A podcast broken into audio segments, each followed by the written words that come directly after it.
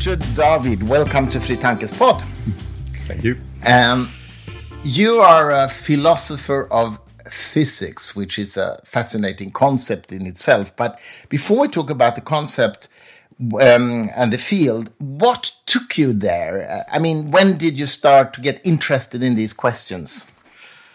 I started out as a physicist. Yeah. And when I when I went to high school and, and chose my, my, my subject at university, my understanding was that in order to address the most fundamental question, you should do physics.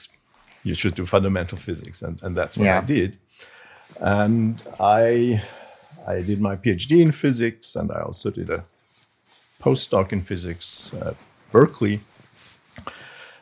And uh, during that process, I increasingly noticed that I'm also interested in a broader embedding of of, of, of physics thinking and, and of, of, of the on, in the question what physics actually is dealing with. And I was doing at Berkeley uh, what is called theoretical model building in high energy physics High energy physics. high energy yeah. physics yes and i had a lot of contact with string theory also.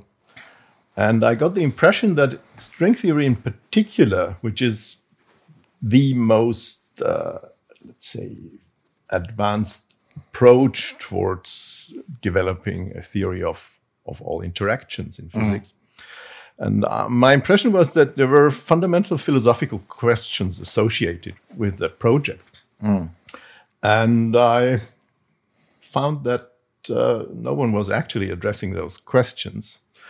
And so I found myself in the situation that, that, that in physics, I felt I didn't have the great ideas how to proceed further.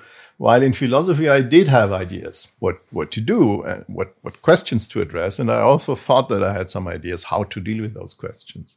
Okay. So there you And, uh, switched. and then I switched from from physics to to philosophy. I see. You grew up in Vienna, right? That's right. That that's Yes. where you were born. Yes. This uh, this wonderful city of culture and philosophy and intellectual pursuit, or at least it was hundred years ago. Maybe it's still, or what would you say? Well, for sure, more so 100 years ago than now. Yeah, yeah, Uh, there was a considerable drought, let's say, Mm. uh, due to due to the Nazism and Yeah. and, and, and, and and the forced migration of, of, of much of the intellectual potential Yeah. in, in Vienna. yeah. and uh, that didn't come back so easily. So, so, so that affected the, the intellectual development in in, in Vienna for decades, many decades. Yeah. And uh, then there was a process started of of recovery, I would I would say, and now Austria and Vienna are once again, uh, let's say, uh, an integrated part of, of the global intellectual community, and there, there is great science happening in, Okay. in, in, in Austria. But but of course, it's it's not comparable to this remarkable and exceptional situation in in, in, in Vienna in the early 20th Yeah. century. No, of course. I remember uh, we published a book about the, about the Vienna Circle, for example, this philosophical group in the early 1920s and early 1930s, uh, who sort of d- d- dissolved because of Nazism and and also because of the murder of the uh, leading philosopher Moritz Schlick. You, you know all this, of course. Yes. yeah. Uh, but um, okay, anyway, but you, you you you studied in Vienna before you left at the university. Right. I mm. studied in Vienna at the university, and then I did my PhD in Vienna and, and Munich. Mm. And then I went To Berkeley. to Berkeley, mm. and there I decided to switch to philosophy. And Yeah. in order to organize that, I went back to to Vienna. And What uh, kind of uh, what kind of home did you grow up in? Before we go into the actual subject, w- were your family scientists as well? there were, there were no no scientists in my in in, in my closer family. Uh, there they they had an interest in science, so so it, it was an open-minded, generally interested atmosphere at the family. I would say. What did your parents do? Uh, my my my father was a banker, and my mother started out uh, at, at the German embassy, and in Vienna, and then and then uh, stayed home when when the children came. Mm, I see. Were you one of those kids who were very fluent in mathematics early, in early years, or did it come later? Uh, I would say mixed. I, I always had a talent in mathematics, but I, I, I don't. I, I, I was not uh, an exceptional student in mathematics during Okay. my high school time. Okay. Okay. Anyway, uh, back back to to Berkeley and your switch to philosophy. Um, what would you say, or, or rather, back to the state of the situation now? I would say that is not back; it is now. Anyway, what are the big uh, sort of issues when it comes to math, philosophy of physics today? What are the big problems, the fundamental questions in the field? So, if one looks at it at, at a very general level, one, one, one can say that that physics, philosophy of physics, actually is two different fields that happen to be called Okay. one discipline. Okay. Uh, on the one hand, there is uh, the aim to understand the theories that have been developed and well established in physics. So, so, so this is like um, the physicists developing their theories and then moving out, moving towards more advanced subjects where, where the mm. situation is less clear. And then the philosophers of physics move in and wander through those amazing halls and mm. marvel at them and try to understand what they how to view them. What's the best way to view them to to, to understand to use a technical term their ontology for example Yeah. so, so what what the objects are that are that are crucial for characterizing this The, theory the ontology of reality. You of mean. reality What right. do they actually what, describe? what what does the theory tell us about Yeah. the ontology Okay, I see. Mm. that would be one part. The other part is epistemic, to use it- another term. Um, the other part is about uh, understanding how scientists, how physicists acquire knowledge about the world. And that other part is more concerned with theory development, with the process of developing theory, Okay. with with theories that are not yet fully established, that are not yet uh, fully empirically confirmed. Uh, so, so it's more about understanding the process of physical research. But of course, that that that other part also has something to do with uh, understanding the world. It has it, it has to do with the way physicists today view the world in light of their newest theories.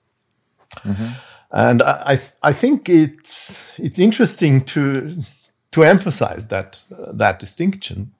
And I would say that that traditionally, philosophy of physics was more focused on the first type of thing, The ontology. on on on on, on discussing the ontology. While nowadays there is more of a balance. Nowadays both parts have roughly equal significance in the field. That's interesting. It, sometimes you hear in the sort of uh, public cultural discussions uh, things like uh, science is a social process, it's a social constructive process, and you know these maybe postmodern inter interpretations. Uh, how do they how do they stand in your field today?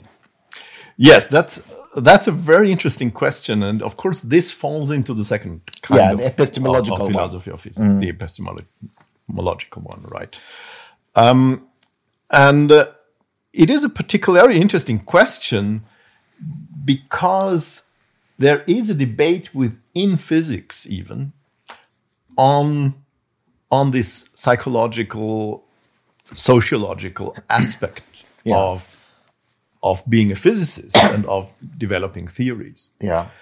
And uh, this question is so important nowadays because fundamental physics today mostly deals with theory it cannot confirm, or at least cannot conclusively confirm.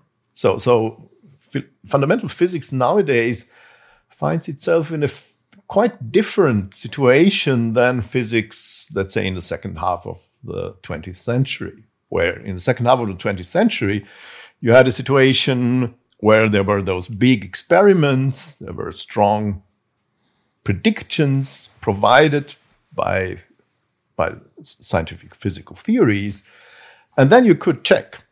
You could you could build such a collider experiment and check whether the predictions of, let's say, the standard model of particle physics uh, can be confirmed. And it took a while, but you could aim at that, and at some stage, you knew you would have the the answer. And this is not anymore the situation fundamental physics finds itself in. But, So- but wouldn't you say that quantum mechanics, for example, has a very strong empirical experimental evidence base, even though the interpretation is yes. another story? Yes, quantum mechanics is is is a is a special case. Okay, okay. Quantum mechanics, of course, is by now it's about hundred years old. Yeah. So it has um, acquired a lot of empirical confirmation. Yeah. So it's it is the, the principles of quantum mechanics are among the best tested hypotheses mm. there anywhere in, in science. One, mm. one, one, one can say. So they have been tested from all different directions, Yeah. and they have been amazingly successful in in, in an And the Nobel Prize last year in physics went to that. Right. Exactly. Exactly. Exactly. So so so and it wh- which shows that that even today, even hundred years after it had been developed, there still are interesting questions that can be empirically tested. Yeah. And that can award, give you a Nobel Prize in, Yeah, in, yeah. in, in the end. But that's So- a special case, you mean? it's a special case. Um, it's a special case because quantum mechanics is an empirically very well confirmed theory. It is also a theory that even a hundred years after it, it has been developed, has not was as a, the basic principles, let's say, of quantum mechanics have not needed any um, any changes, any corrections, any, any modifications. So, so they are still what they were, okay, that's interesting. and uh, so it is a, a theory that is also remarkably stable with respect to its its its fundamental principles. On the other hand, it is very difficult to understand at a philosophical level, if you want, what the theory is about, how the theory is related to reality. What, yeah. if, if we go back to the, to the first question, what is the ontology of quantum mechanics? Yeah. And these questions are still debated, hotly debated, mm. 100 years after, after the development of the theory. So it is the theory, the discussion on the theory is very much alive even today, even though it is an empirically yeah. highly confirmed theory. That's yeah. the specific uh, character of. Yeah, of, I understand. Uh, I, I, want to talk more about that, but still, uh, uh going back to you said that this is a special case. What are the other cases that differs from quantum mechanics? And what about the postmodern aspect? Mm. Both of these we should go deeper in. Right. The the other cases, the so so the to say a little bit more about the history. Yeah. Quantum mechanics was developed in the 1920s. There are other fundamental theories that were developed in the early 20th century, which are a theory of special and general relativity Yeah. About the characteristics of space and time and uh, the, the nature of, of, gravity. And those, those the- three theories are all empirically well confirmed. And however, in order to, to join them, you need to move conceptually further. So, so for example, if you start with quantum mechanics and then you want to add special relativity, you need a new theory. You need a, a broader understanding of what's going on. That theory is called quantum field theory. And that was de- developed soon after quantum mechanics. And uh, then it turns out quantum field theory requires a lot of specification. It, it allows you to ask questions for the spectrum, for, for the number of fundamental particles in the world, for example. Mm. And you can, you need to develop, or physicists need to develop theories that, that answer those questions. And those theories were developed from the 1940s, 50s onwards. Um, the, the, topical theory that is best at doing so is called the standard model of particle physics. Mm. So those are theories, and that, that standard model of particle physics also could be empirically confirmed. Now, we remember that there were three theories. There was quantum mechanics, special relativity, and general relativity. Mm. So there is an one open question that that needs to be answered, and that is how do we join uh, quantum mechanics or quantum field theory and general relativity. Yeah. And that's the fundamental, the most fundamental question because it amounts to the question how do we describe all interactions, the interactions that, that were play out in the micro world, like electromagnetism and the, the, the forces that, that are relevant for understanding atoms. And uh, on the other hand, gravity. So the, the force that is crucial for understanding the cosmos. Mm. And it turns out that, that there are contexts where this question is crucial to have a full physical understanding. In particular, it's crucial for understanding the very early phases of the universe, mm. the phases immediately after the Big Bang. Mm. And it's also crucial for understanding a specific uh, object that is predicted by general relativity that is called the black hole. Mm, yeah. So, in order to understand those two subjects, you need to have a full theory of gravity and quantum field mm. that that joins gravity and quantum field theory. And we don't have that yet. And we don't have that yet as a fully developed theory. Mm. But uh, there are candidates. There is one leading candidate as a universal theory, and that is string theory. Yeah. And um, th- there are other approaches towards uh, joining or uh, connecting gravity to to uh, to quantum mechanics, but all those approaches have in common that they have not succeeded in being empirically tested, and they have not even succeeded in providing a full-fledged, fully developed, complete theory. So, and that, research on those on those issues is going on for for many decades now, mm. which means that that physicists who work at the frontiers of fundamental physics today work in a in a framework in a context where they don't know when the theory they're working on will be complete if ever. They don't know when it will be empirically testable if ever. If ever. um, so the question is okay, so what are they doing there? yeah. And of course, that's a point where this question are they just um, following mechanisms driven by sociology or, or psychology okay. becomes important right yeah. there are some people yeah. who who say this is very risky this is very dangerous because um, in the absence of the degree of empirical guidance that, that had been normal in 20th century physics, uh, physicists will increasingly just follow their sociologically, psychologically motivated preferences. Mm. And that's of course not what we want from physics. Of we course. want to we want to have a basis for for developing those. But theories. wasn't that the case also for Einstein until the the solar uh, what you call it solar eclipse happened uh, to 21 or whenever it was. Right. Right. So up till exactly. then, exactly. Up till then, it was just a theoretical, yes, untested idea. Yes, that that's uh, that's exactly the, the, the crucial point here. Mm. If you look back at physics, you notice on the one hand that of course experiment is crucial for for confirming theories or establishing theories as being unquestionably viable in a certain context, let's say.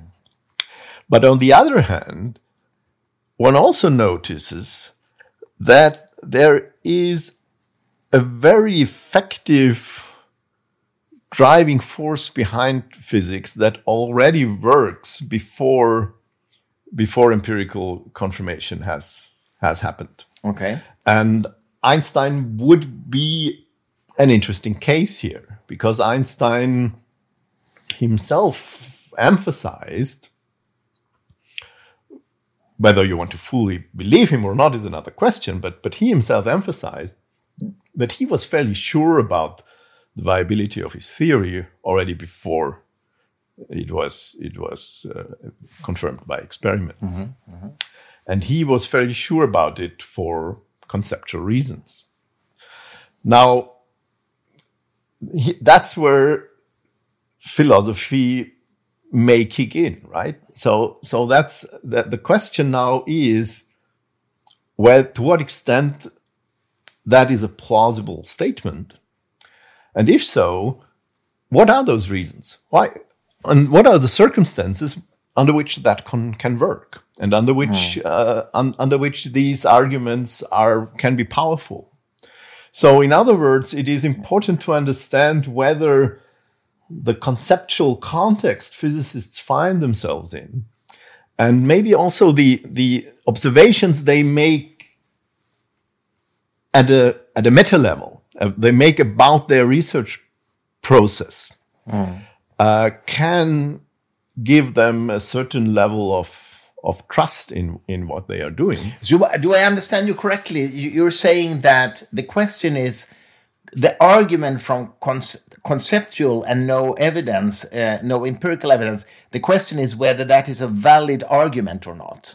So right. Is that what you mean? Yeah. Right. Okay. Exactly. I see. Exactly. So okay. it's it's it's obvious that it's not it's no it's second best, right? it, it cannot it cannot replace uh, con conclusive empirical confirmation. No. So that's no. obvious. So that has to be the ultimate goal of, mm. of of, of science and of developing a scientific theory. You eventually you want to test it empirically, oh. and in order to understand the theory, you need to understand what the empirical implications of that yeah. theory are, and then falsify it, and, and then falsify it or verify. It. Yeah. So so that's crucial, and yeah. that that cannot that principle must not be abandoned. Mm.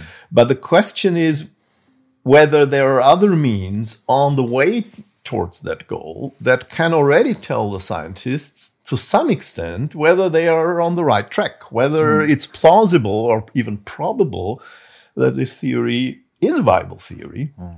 Even though it has not been empirically tested. And in a situation, in the situation physics finds itself in today, that's a very important question. Mm. It, it is it is an important question in order to understand what we can legitimately say about those theories mm. today. And it's also an important question for, for the researchers. For, for, for example, for young researchers who ask the question, is it worth going into a field where I don't even know whether in my lifetime that theory will be complete? Mm. Does it make sense even? Mm. And if the answer is well, as long as the theory is not complete, you have no idea whether it's whether it's viable mm. then the answer may be maybe not, right? Mm. While while if if the answer is you can still develop a certain degree of trust in that theory, even in the absence of empirical confirmation or in the absence of conclusive empirical confirmation, the the answer would rather be it's still worthwhile. So, so, so it is, and of course, that's not a yes or no question. It no, is a gradual issue. But where we land in between those the extremes, let's say, is very important for the future of fundamental physics. I, and I is this the field you are working in specifically? Right, right. Okay. That's that's the focus of. of, of, of Can you tell us something about uh, what what are the different sort of criteria, or what are the different arguments? for claiming that there are valid arguments on the on just conceptual basis so there, there are two basic types of reasoning that, that, that aim as, at establishing that. One um, type of reasoning or one type of argument is, is what is what is called the looking at at at epistemic virtues or theoretical virtues Virtues. virtues Okay. of a theory. So, for example, one might say if a theory is particularly beautiful or That's interesting. Particularly is an argument. simple, things like that, so why is that an then argument? good question. I would think it's not, but but but it Okay. is it is Einstein thought it, it is suggestive that it may be, mm-hmm. and there are some physicists who made statements that, that point in that direction. Einstein, for example, Einstein did that, yeah, I know or, that. or Paul Dirac. So, so there are uh-huh, famous Dirac. physicists who mm. who made that point. Of course, they are physicists rather than philosophers, so it can be the philosopher's task to spell out what is behind that statement. Let's say. Good. Hmm, yeah. So one can either take it literally and say, okay, Einstein says it's just about beauty, or one can say, well, probably it's more complicated than that, right? Um, so that would be one way of dealing with this. And, and as you already suggested, it's fairly questionable whether that's a good basis for assessing a theory. I mean, or- or probably there are lots of simple theories, lots of very beautiful theories that are just nonsense. So, so if Yeah. you just stick to that, uh, it's not entirely trustworthy. One one may say. So, so the other approach, or a second approach, let's say, and the, the approach that that seems much more plausible to me is to look at observations not about the world, not not just characterizations of the theory, but observations about the world, but observations that are not of the type that are predicted by the by the theory. Mm-hmm. So so that would be a, a natural extension of what scientists uh, always want to do, right? What what the scientist wants to do is they have a theory, the theory makes predictions, and then they compare those predictions with observations. So, so they need to look at observations of a very specific type, of the type that can be predicted by the theory. And then they check, okay, does the theory predict what we see there, or does it, um, does it, does it predict something that is incompatible with what we Exactly. see So there? it's falsified. so it's falsified. Um, so that would be the, the, the let's say the canonical scientific process. yeah. There are other observations, however, that are not of the type that, that are predicted by, by a theory. For example, one observation may be that you develop a theory and you try to find alternatives to that theory that may make different predictions than the theory you have, and you don't find any. And, and you, you try for a long period of time, hmm. but you don't. So Okay. it is. It seems clear that this is somehow relevant for for judging the prospects of your theory because hmm. because if you if you do find a lot of alternatives it's clear that you have no reason to to trust your theory Yeah. You- wherever you look you find something uh, different so so so if you do that you know okay i've no i need to make an experiment i have no idea whether that theory is is, is correct or not Yeah. now, if you're in the opposite situation, if you really try hard and you don't find any alternatives, it seems clear that you have somewhat more trust in that theory. Yeah, yeah, I, I, I, understand. But of course, you could say that might be because you didn't find the Exactly. alternative. Exactly. But it could also be there are, are right. no other. exactly. Yeah. Exactly. So it's clear that this is just the starting point. Yeah, yeah. You, you say, okay, that it may be that that I have justified to have some trust in the theory, but Yeah. it just it may also be that I we're just the, the scientific community is just not clever enough to find Yeah. those alternatives. Yeah. So one needs other observations then to get a grasp on that question. And uh, so the question is, what kind of observations are those? And uh, one can think about at least two ways of of understanding this to some extent. One one way of understanding is is to look at the success record of predictions in in the field.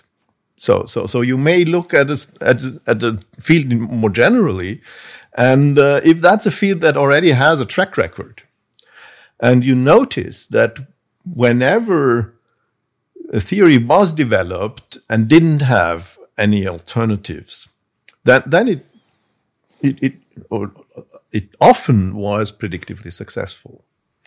If that's the case, mm. then you can say, okay, it seems that first we are in a in a context where theory building is very difficult, so so where it's not easy to come up with alternatives. Uh, therefore, that we have some theory already tells us something. And second, we are in a field where it seems to be the case that um, the scientists know enough, understand enough of, of, the context in order to find the theories that are there, that are that can be in principle constructed. Mm. So, so if you if you observe a, a strong tendency of predictive success, therefore, and you observe in the same field that you have a theory that it's that that that seems to be without alternatives in the sense that none have been found mm. then you can have a certain degree of trust in that theory uh, of course the question is how much trust so so it, it, this is just mm. um, first level of reasoning about yeah, this yeah. but you can have some trust and uh, it's important to emphasize that this constellation already distinguishes science from other contexts where these arguments that there are no alternatives may often be made, but where there is no track record of that kind. So, so, so if someone makes an, an argument that there are no alternatives and they don't reason in, in a, within a context where, where it has been shown that, that this argument works has worked in the past, mm. then it's entirely unclear whether it, whether it's any whether the argument makes sense. Mm. On the in, in, in a scientific field where there is a strong record of predictive success, that is different. That that is a reasonable starting point mm. for establishing trust. So so that that would be, for example, one one way of, of, of, thinking about this. And would you say that string, string theory qualifies in that sense today? There are no alternative theories that. I would think so. Yeah. Yes. Yes. I, I think that string theory is a strong example where this applies. While on the other hand, one also must say that it is a it's also a difficult example. Mm-hmm. It is it is not a straightforward example because string theory as a theory is so different from any other theory we know. Mm-hmm, mm-hmm. So, so, so it is not straightforward to infer that, given that other theories had been successful in a in a more local context, let's say, mm. theories that are less universal, that are easy easier to develop, and so on. That that this also that this tells as much about about the situation in string theory. This is interesting. It reminds me about, I don't know if you have followed the debate in the field of uh, philosophy of consciousness that is happening right now. You know of this theory called integrated information theory. You, are aware of that? Yeah. yeah. Just a few weeks ago, I think, a few hundred scientists and philosophers of consciousness wrote an open letter saying that that theory is pseudoscience. Mm we should not deal with that. And um, like Daniel Dennett, for example, was one of them. And uh, David Chalmers opposed to that strongly and said, of course, that's that's a theory that, theory that we should take serious seriously, but we should also mm, investigate other theories as well. Uh, it, this is an example of, of, of, this conflict, isn't it? But I I would I would think so. I I I mean probably I mean I'm not an I, I have followed this a little bit, mm. but I'm by no means an expert on no, this. So, no. so I would not want to make any judgment myself on mm. yeah, yeah. on on, on, on that issue, I would think that there is a broader issue at, at, at, at, at place here. So, so, so there is, there are two levels at which one can question scientificality of, of the research process. There, there is the level of theory assessment. Mm-hmm. So, so I may say the theory itself is clearly a scientific theory. It is, it is developed based on on on the best methods available in in, in the scientific field and it, it, it, you mean the is, integrated information I, I, I, mean in principle yeah okay if, if i just criticize a theory mm. i say it's not scientific mm-hmm. or i question the scientificality of of the theory mm. I can do it in two ways. Okay. And the first way is I don't question the, the scientificality of the way the theory is developed. Okay. But I question the scientificality or, or the soundness of the method to assess the theory. Okay.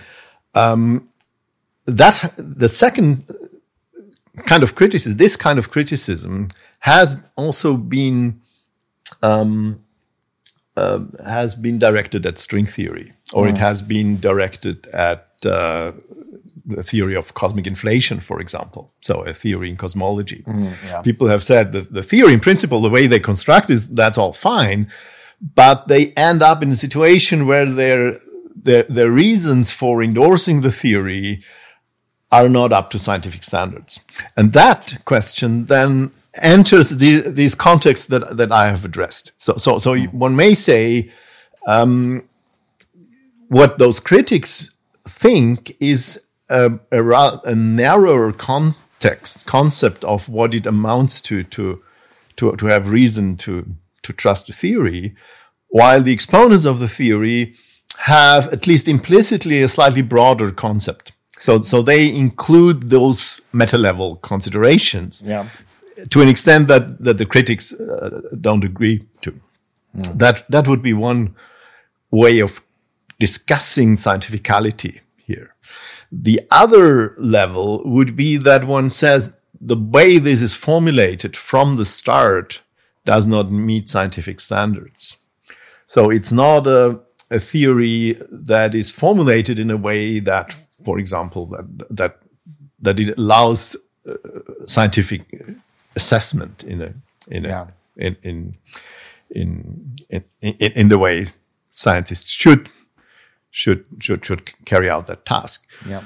Uh, it seems to me that the discussion um, you're you're you're pointing at plays out at this level. So it's a different level from the level of of discussing theory assessment per se. I see. I see what you mean. They they the critics seem to say that this is not formulated in the way a scientific theory should be formulated. Okay, I see. Interesting. Um, yes, that that's uh, as much as I, I want to say about it. Okay, I mean, sure. I, I, have a personal perspective, but I, I don't want to.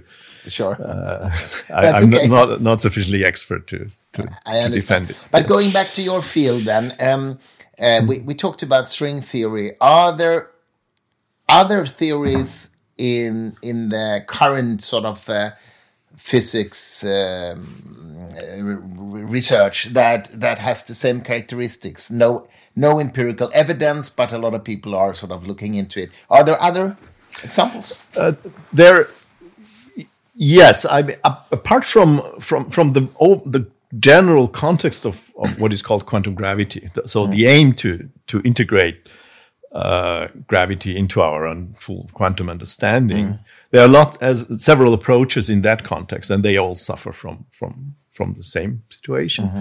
In cosmology, there is another big uh, complex of of theory building where the situation is not quite the same, but in some respects comparable, and that's uh, the uh, the case of cosmic inflation. Inflation, yeah, inflation theory. Mm. Uh, cosmic inflation is is different because there is lots of empirical data uh-huh. in the field.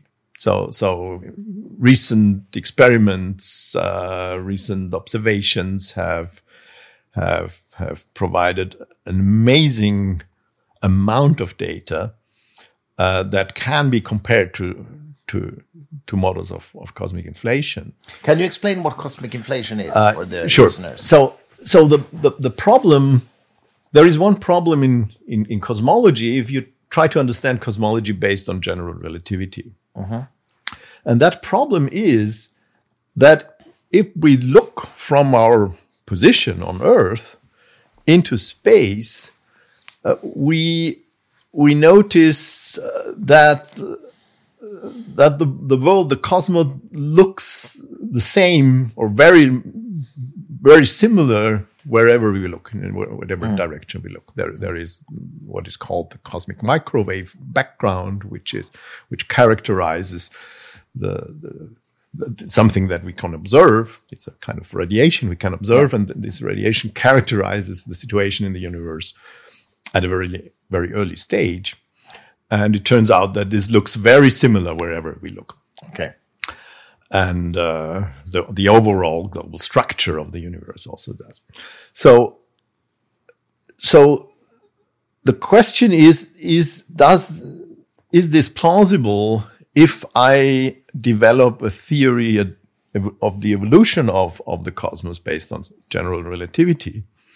And it turns out it's not, because if I just um, apply theory of general relativity, the the situation is that that I would expect patches of of the cosmos that have never been in causal interaction with each other.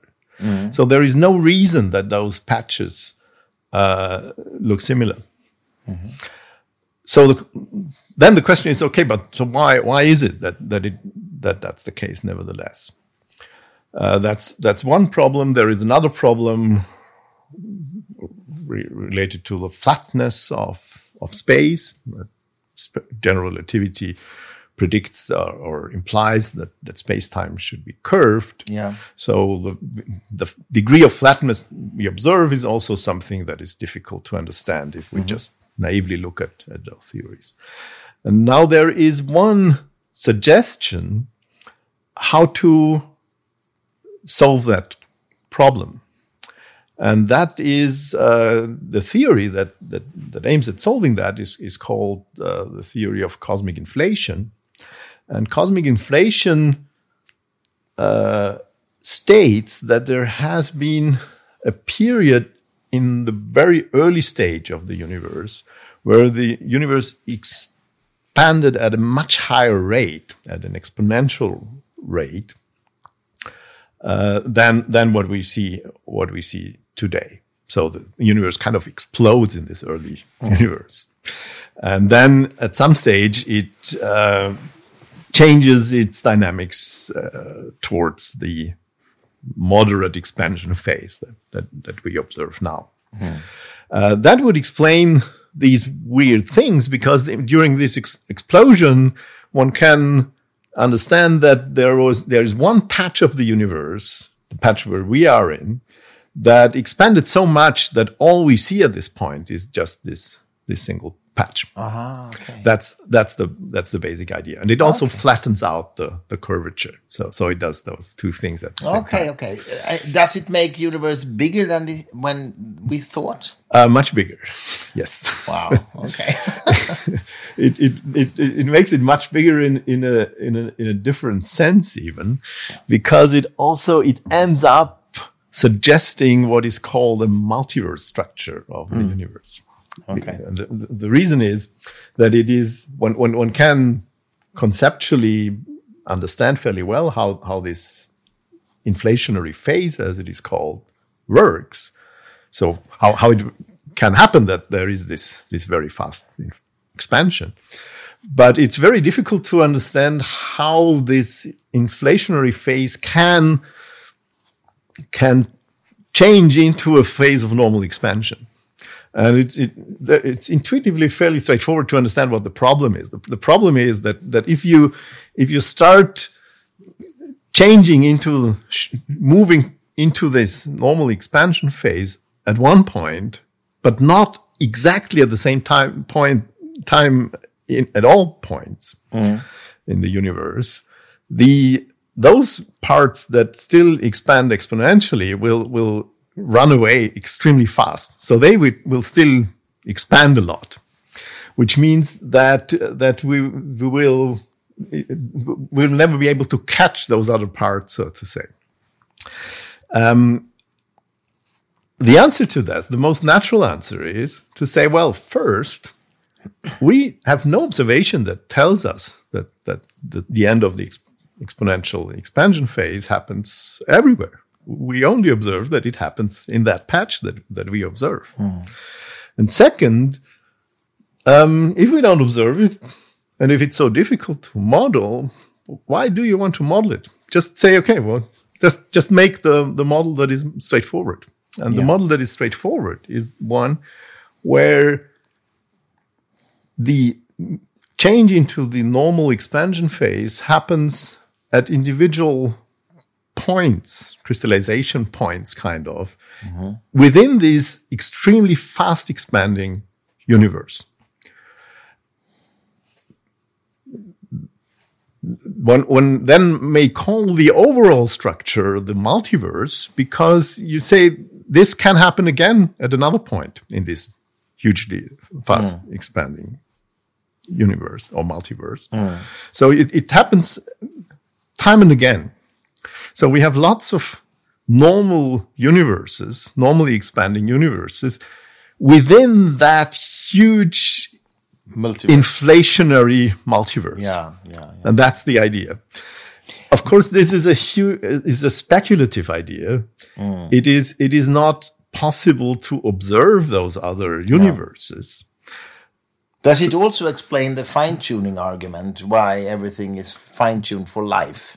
It it can. It yes. can, yeah. It it can exactly. That's that's one fairly attractive feature of of of, Yeah. of that uh, theory. Because the fine tuning argument is often used by religiously inclined people, right? Right. Uh, right. So, okay. Exactly. Exactly. Um, the multiverse gives an interesting Alternative. answer to that. yeah. Uh, the answer is related to string theory also. So that we have a scenario where we have those many universes in the multiverse. Now, if we had rigid constants of nature, then those constants of nature would be the same in each of those universes. So, so we wouldn't gain much. Mm. However, so we wouldn't gain much for the fine tuning argument, that is. Yeah, So, yeah, so we would still need to explain why are the, the, the constants of nature the way they are. Yeah. So why are they fine tuned in the way we find them to be Mm. fine tuned? The,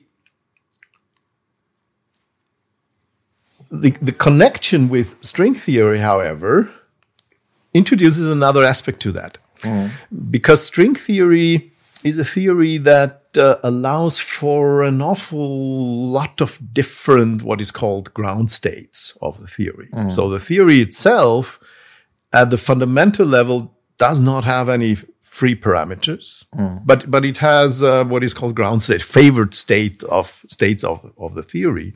And since string theory is a quantum theory, the understanding is that string theory will select those ground states or one of those ground states uh, probabilistically. So there will certain be a certain probability that one or the other of those ground states is chosen in in the evolution of of the world. Um, now, given that, and and this this spectrum of possible ground states is then opens up a spectrum of possible parameter values for for for our world, the world we we live in. And it turns out that the number of those ground states and therefore the number of possible parameter values is is huge. So so it is Yeah. the numbers uh, number one number that is often stated is 10 to the 500 or 10 to the 1000 or so. So no one has a clear grasp on, No, on- of that number. But it's a extremely an, an, an, an incomprehensibly big number. Um, now, if we introduce that into the multiverse picture, it means that each of those universes that of normal expansion rate that that emerge, that, that develop in in that multiverse structure, um, will choose its own set of its own ground state and therefore its own set of parameter values. Yeah. And therefore, we end up, the theory predicts that there are many universes, a huge number of universes, each of them having a different set of parameter values. And now I can say, if that's the prediction that physics gives me, then the prediction also, impl- and, and if, if, if the number of different sets of parameter values is bigger than the degree of fine tuning I mm. need to explain something, to explain Yeah. some observation or to explain why life emerged or whatever. So if it's bigger than that, then the, the theory tells me there will probably be one world that is sufficiently fine tuned to allow for life. Yeah. And obviously, we cannot see that unless we are born Exactly. in a universe like that. exactly. And then the step is okay. So if, if Yeah. there is one, Then it's trivial. The yeah. question is, why are, is it then unlikely that we are there? No, it's not, because that's the only one where, where, where we Yeah, can emerge. yeah, yeah. That's what is called the anthropic argument. Uh, yeah, yeah, yeah, exactly. Um, Let me go back one more time to the question of beauty, because you, you said previously that you can think of many theories that are beautiful but nonsense. But still, couldn't you argue that all the theories that are empirically verified actually are also beautiful uh, mathematically? And how do you explain that? yes, that's a tricky question. Um, one might think so. One might say, in some sense, those theories are beautiful. But on the other hand, one might also argue, in a number of ways, they don't seem awfully beautiful. So, Okay. so, so you might, for example, if you if you talk about the standard model of particle physics, for mm. example, there is a sense in which this, without going into any details of what it is, it's it's the theory that describes the the, the particles that can be developed. Uh, can- be uh, generated in our collision experiments. So, so what we take to be the set of fundamental particles, and most of them have a very short lifetime, and they soon decay into the stable particles we know, like electrons and, and, and quarks. And so, on. Um, so, if we if we think about that theory, we can say there are very beautiful principles that characterize and guide guide that theory. But on the other hand, there are also things that don't look particularly beautiful. For example, the theory has 21 free parameters that you need to specify. That's quite a lot. So Yeah, okay, yeah. I could imagine a more beautiful theory than, Yeah. than that. You have peculiar characteristics of the theory. Some symmetries of the theory are, are broken. They are broken. Some of them are broken a little bit, but not very much. That doesn't look particularly beautiful either. So, so it's always a, it's, it's always a mix, I would, I would say. Yeah. Uh, then there are also there there are some some some physicists have have emphasized that it what you find beautiful strongly depends on what you understand to be effective. So there has often been a situation where initially uh, something was considered absolutely ugly by most physicists. And then they got used to it. And then they understood that this is actually very helpful, that these principles are extremely powerful.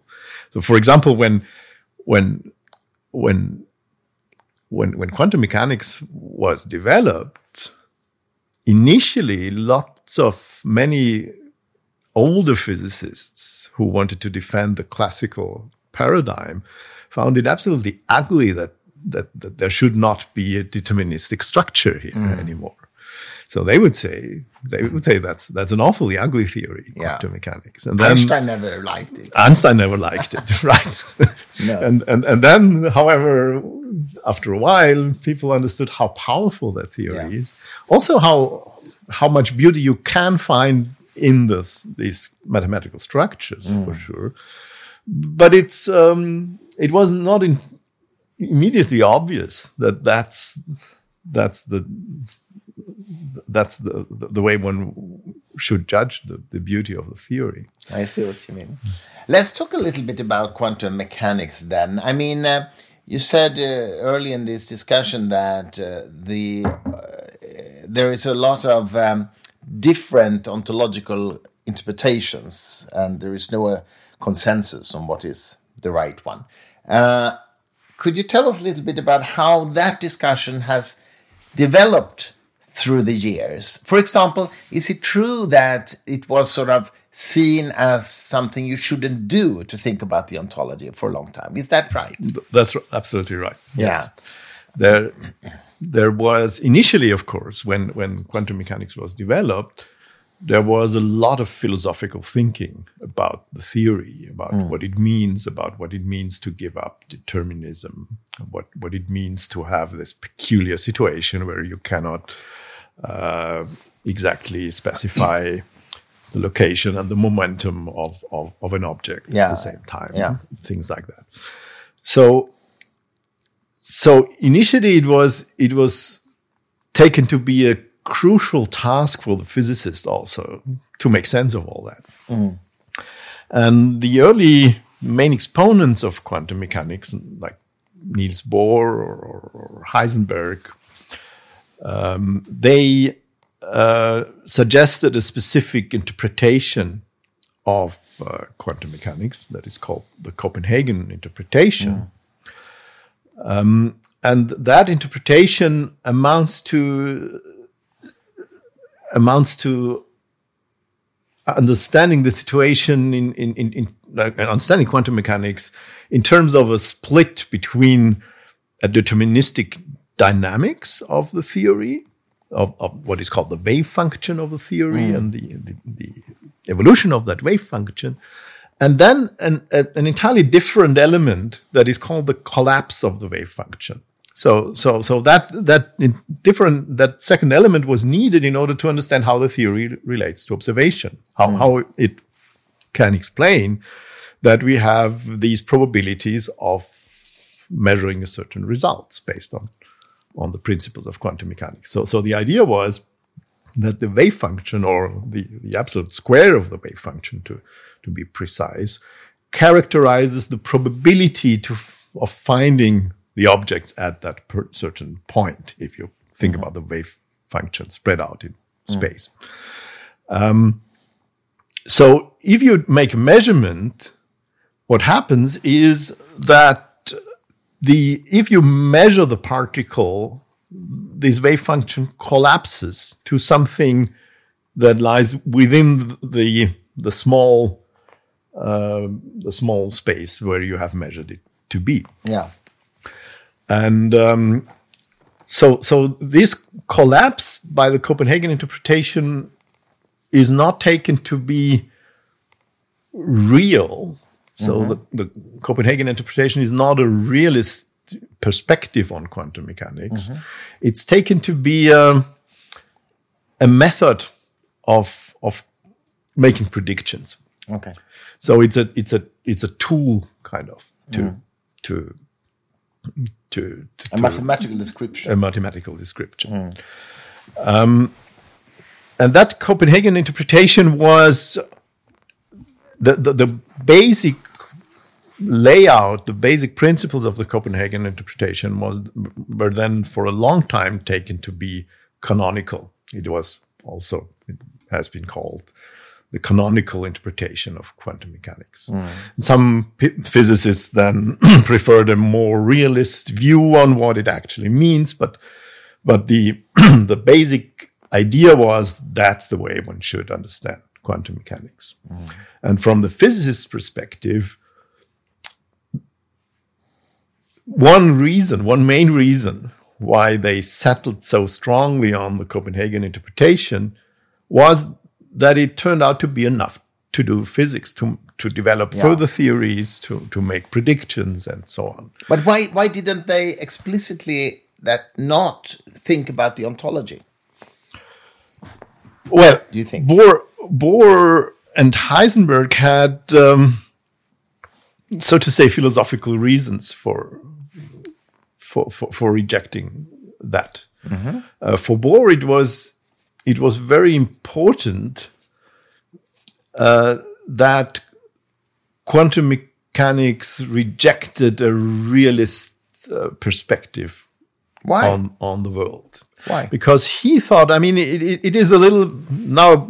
This moves a little bit into interpretation of Bohr also. Okay. But but my personal understanding of Bohr would be that that that Bohr's views were somewhat influenced by a Kantian perspective. So Mm-hmm. Immanuel so- Kant. Immanuel Kant. Yeah. So Immanuel Kant had this had this philosophical understanding that you cannot um, you cannot say anything about the thing in itself. You you th- there is um, the there, there there is the um, what is called the the the the the, the, the conditions of, of the possibility of human understanding. So you you need to you need, to understand that in order to understand anything, we we we must have a certain perspective on things.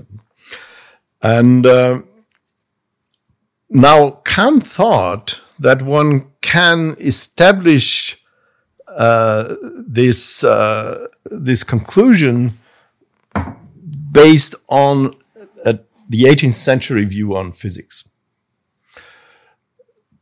Bohr thought that, and in the early 20th century, there was a general agreement that this understanding was too simple because it was based on Newtonian physics, it was based on Euclidean geometry, on, on con- conventional flat geometry, Yeah. and so on. Now, lots of 20th century physics was different from that. Mm. So, so it seemed to devaluate, or al- al- also lots of 19th century mathematics already. Mm. Now, Bohr thought that quantum mechanics now gives us the right physics to make that point again.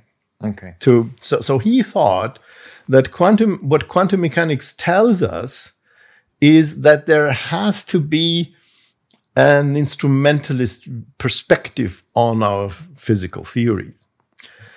And the, the, the reason is that in quantum mechanics, if you characterize a measurement, you characterize it by establishing an interface between the classical system that makes the measurement and the quantum system that is being measured.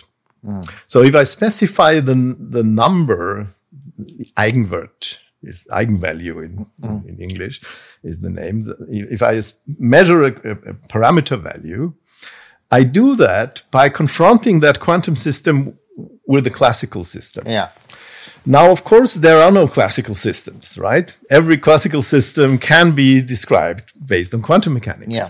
So it's a it's the, the the physicist's choice where to where to introduce that that interface. Yeah. And so so Bohr inferred from that that there is um, an irreducible subjective element to to to to, to quantum physics. Mm. You need to do that. You need to introduce this interface between classic and quantum in order to understand measurement. Mm. That, however, on his view, implies that the quantum mechanics does not give us a, a story about the world in itself. It only gives us a story about how we measure things, mm. and that that uh, led him to to to the conclusion that uh, quantum mechanics is by nature an anti-realist theory. It, it gives us it it, interf- it, it interferes it it it it it, it uh, introduces a philosophical statement. Actually, he thought that quantum mechanics was was relevant for a genuinely philosophical discussion about hmm, the world. Hmm. Still, I think when, when I talk to people about the uh, uncertainty principle, for example, many people still believe, I mean, not physicists, but many lay people think that it's a practical problem that we just don't know the exact location and, and speed at the same time. But, but as I understand, I mean, the physicists agree that that's an inherent quality of the reality, that it is not specific, right? Is that correct? Yes. It's just not that it's not an epistemological issue, it's an ontological issue. Yeah. Would you agree? Right. So so it is I mean Bohr's position is is a peculiar position. It, it's not the case that it does not tell us anything about the world. Mm. I mean that that's already implied by the fact that he thinks that physics can comment on philosophy. Yeah, yeah. So so we learn that from observing something in the world that that that this is that is the correct theory. So we also learn something about the world at at, mm. at this level, and Bohr also thought that uh, unlike unlike modern uh, scientific anti-realists, Bohr uh, thought that quantum mechanics is the principles of quantum mechanics are here to stay. So they are final. So we have we have discovered the final principles in, in, in that respect, mm. uh, which also is kind of uh, it's it's a realist commitment. One one one one may say. So there is a sense in which in which Bohr is more realist than than a modern anti-realist philosopher. Okay. Mm. Modern anti-realist philosopher would always think that there can be a new theory that that changes everything, that changes our understanding of the principles of quantum mechanics, for example. And Bohr did not think that. Okay. So so he he is he has a fundamentalist element in his in his thinking. Interesting. Okay. But but but um, but you, would you still agree that physicists today agree that uh, it's not a lack of knowledge when the measurement problem is not a lack of knowledge. It's an ontological state state that the particle isn't exact in location and speed at the same time. Um, most of them do. Not everyone. Okay not everyone there, okay. there, there is an interpretation of quantum mechanics that um, is called uh, Bohmian quantum mechanics okay. or David hidden, Bohm. David Bohm, hidden mm. hidden parameter. Yeah. Uh, okay. Hidden variable theory. Uh, the the idea is there is that there is a principal limit to our access to to to uh, to the state mm. of of of the world, but that does not mean that uh, that uh, the the the state of the world cannot be precisely specified. Okay. So so so, so there is agreement. You're right about about this this epistemic limit. That this epistemic limit is fundamental. There there there are no, as it stands, no alternative views on quantum mechanics mm. that that would question that. Mm. But uh, when it comes to ontology, whether or not that's an ontological question, there uh, that that that is an ontological statement. Mm. Uh, there there is this this this other view. Okay, but it's not mainstream, right? It's not mainstream. No. Can I ask you also? I mean, for for many years it was, at least in popular culture, ideas about that consciousness was collapsing the wave function. Mm. Uh, what what does physicists say about this today? Yeah, well, it was never a mainstream idea. Okay. So, so it was suggested it from an early stage onwards, time and again. There were, were always some people who mm. thought that that is interesting, and I guess there still are some people who mm. who, who, have those uh, those ideas the the problem is the problem with with this perspective is that once one introduces the mental into physics, things get uh, very messy and uncontrollable. Yeah. So you don't know anymore what you're actually talking about. Yeah, I see. So so the, the, most physicists would think that you need to refrain from discussing uh, the mental in order to know what you're talking about physically. Yeah, yeah okay. Uh, but not everyone does. Okay, I understand. Uh, can you also tell me about, about? I know that Schrödinger and and some of the uh, early pioneers were quite influenced by Eastern philosophy, like Vedanta and those uh, texts. What what what role did that play in their thinking? Do you think? I must say I have no idea. Okay. I, I, I, do know that there there are some people who, who stress that, um, and uh, I would say that there is. I mean the, the the process of of scientific creativity mm. is a very complex yeah. process, very difficult to understand. So so it often is based on very broad mechanisms of linking ideas, linking mm. uh, concepts that one has in the back of one's mind. And that may be conscious or may be unconscious. Yeah, I see what you mean. And um, and it can so come from anywhere. It can come from anywhere. Mm.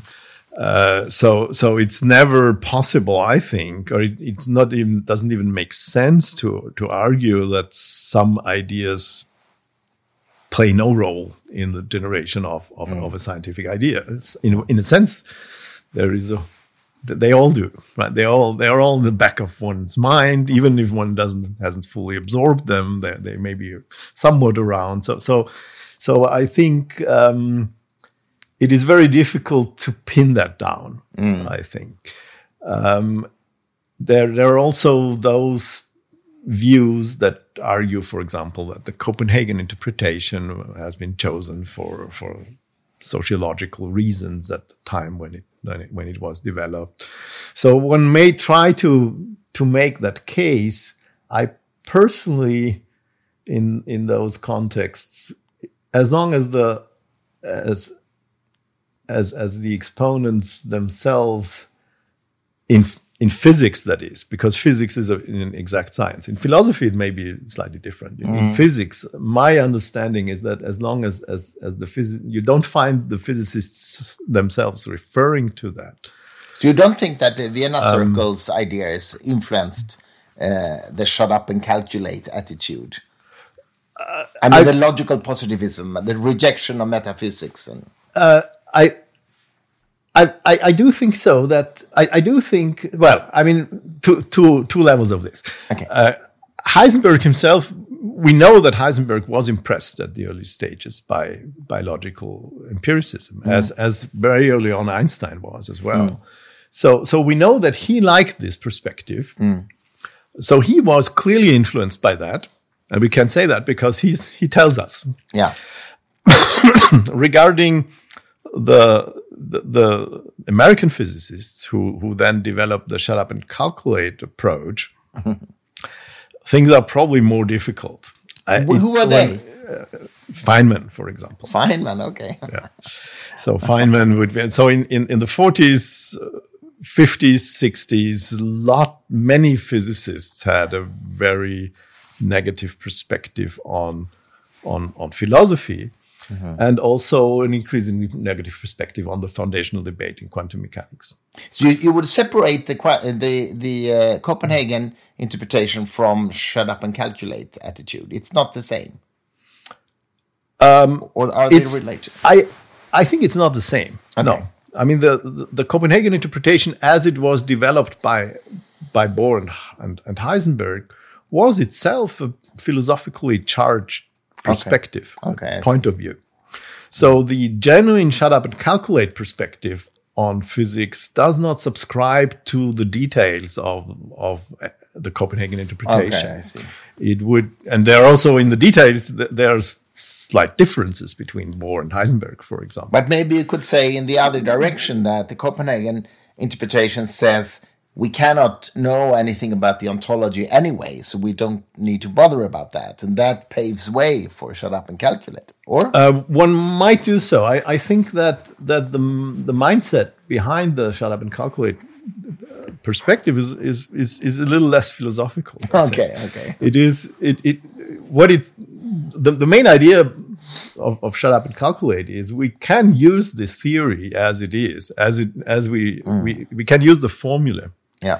and and and calculate and make predictions, and that's enough. Yeah. So so if we Because enter useful, those yeah. debates, if if we if someone asks us, do you think Bohr was right to claim that that there is uh, there there is an empiricist uh, message in quantum mechanics, they they would say, I don't care. Yeah. Okay. Okay. Okay.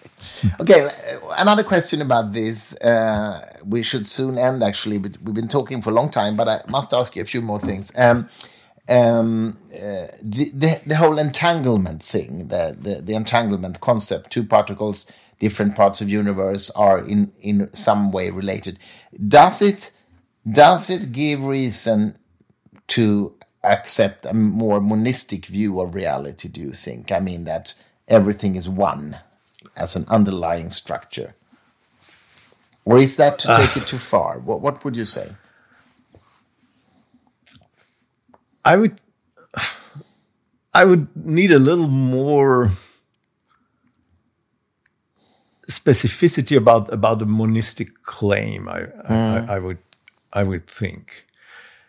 Of course, one one may say that uh, entanglement is never so let's say that there there are interpretations of quantum mechanics in which entanglement is never fully broken. And and they are perfectly fine right? There, there is for example the everett interpretation. Yeah. so there are those interpretations uh, the everett interpretation uh, claims that there is no collapse No, that, there are that- many that- there are many worlds, and they th- th- there is there there is what is called decoherence. So the different there are different branches of the wave function, and they are um, by to a very high degree independent from from from each other. So they don't they they behave behave as so to say as if there had been a collapse, but there there, there is none.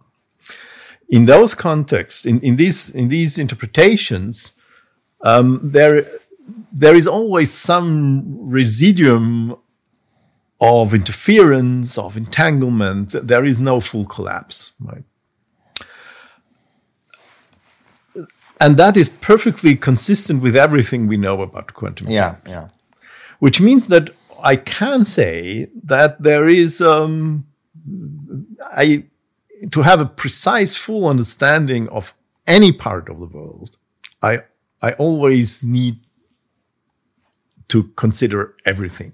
I, mm. I need to consider the entire wave function because there are always minuscule, highly suppressed connections between that one part of the wave function and, and the mm. other. Mm. So, so in that sense, I would say that that such a kind of interpretation, for example, um, enforces on us, in some sense, a holistic picture. Now, one might also say, okay, but is that if if I if I make the claim at that level, is that so different from what we get from other scientific and physical theories? For example, if I talk about uh, general relativity, about cosmology, in a way, I'm in the same situation. I that I what what happens here at, at my patch of, of the world depends on Yeah, the overall the, the global nature of Yeah, of, of and the space space time con- concept is is one, so Yeah, to speak. Yeah. right, As right. well. Yeah. so so so even even even if I if I if I think in terms of a multiverse to come back to that, uh, it turns out that if the multiverse and the anthropic reasoning in the context of the multiverse is right, is right, it turns out that in order to understand some aspects of our world, to explain some aspects of our hmm. world, the specific types of fine tuning that, that we observe, I need to refer to the overall multiverse structure. Hmm. So once again, I can say that. So I need a, a global perspective, Yeah. uh, a perspective that reaches out to to parts of the universe or the multiverse that that are not directly observable to me at all, uh, in order to uh, fully understand what's going on here. So, so there Yeah, are many physical theories that that have this what something what mi- one might call a monist aspect. I see. Yeah. Uh, one may say that that's that's um, a fundamental characteristic of physical theory because physical theory is is not is is, is not dealing with specific patches of the world. It-. It, establishes universal laws. But still, these these entangled uh, particles that were awarded the Nobel Prize last year, uh, so to speak. Um, is it correct to describe it like this? Could you say that there is uh, in two entangled par- uh, if you uh, to describe two entangled particles, there is no way to describe each particle separately without losing information. You have to describe them together Yes. Uh, yes. and and even though one particle is on the moon and one is on earth basically Right. right and Right. do- would you agree that we have to sort of give up the concept of locality with this or could you interpret it any other way Yeah, I would I would agree to to to that in the sense that that it is mm, by far the most natural take on on, on the Yeah. situation. There there are specific ways of rescuing locality Okay. in, in, in, in the foundational debate that which are fairly intricate and in, involved, let's say. Uh, one can do that. Most often one can rescue a certain principle in in, in, To the in- cost in of the other philosophy of physics at the cost of others. Exactly. so so so it's not it's it's always possible to yes to to stick to to one very dear principle if one mm. chooses so. But I, I would think it's not the most natural way of, of No. viewing it. It's not it's not very helpful to try. so to, you would prefer to to to give up locality yeah. Interesting. I- i- Is that something you think will be useful in practical machines or like quantum computers? I guess it's Yes, of course, that's a very hot topic. Yeah. and and and uh, I mean there is there is a lot of progress and there are lots of obstacles, but uh, one would expect, or I would expect that that, that it is moving towards towards uh, towards very significant prospects of, of, of, using that. Yeah. okay. Uh, my last question to you: Do you think that uh, we ever will have a ontological interpretation of quantum physics that would feel intuitive and sort of um, consensus accepted and like you know ah this is the way it is I personally don't think so. You don't I, think so? I, I personally don't think that uh, uh, the future of uh, physic, let's say, realist physical perspective on on on nature will be based on uh, isolating a unique ontology, and that has more to do with uh, with with the quantum gravity context, with what is going on in, in string theory context, than than than with quantum mechanics itself. Um, but I think those two realms are are, are closely related. yeah there must be I mean, I, I, I can just very briefly mention one one reason why I, I think Yeah, that's the case. Um, in string theory, string theory has one peculiar characteristic that that that, that is called string dualities. So so string theory has various um, various different representations, let's say, types of formulating the theory, and uh, those are empirically equivalent, but uh, they look entirely different uh, when you try to to approach them from from let's say from a classical perspective. So normally, what what you do in a in a quantum theory is you have a, a limit of the theory where the theory looks more or less classical. That's in the context where you make experiments, for example.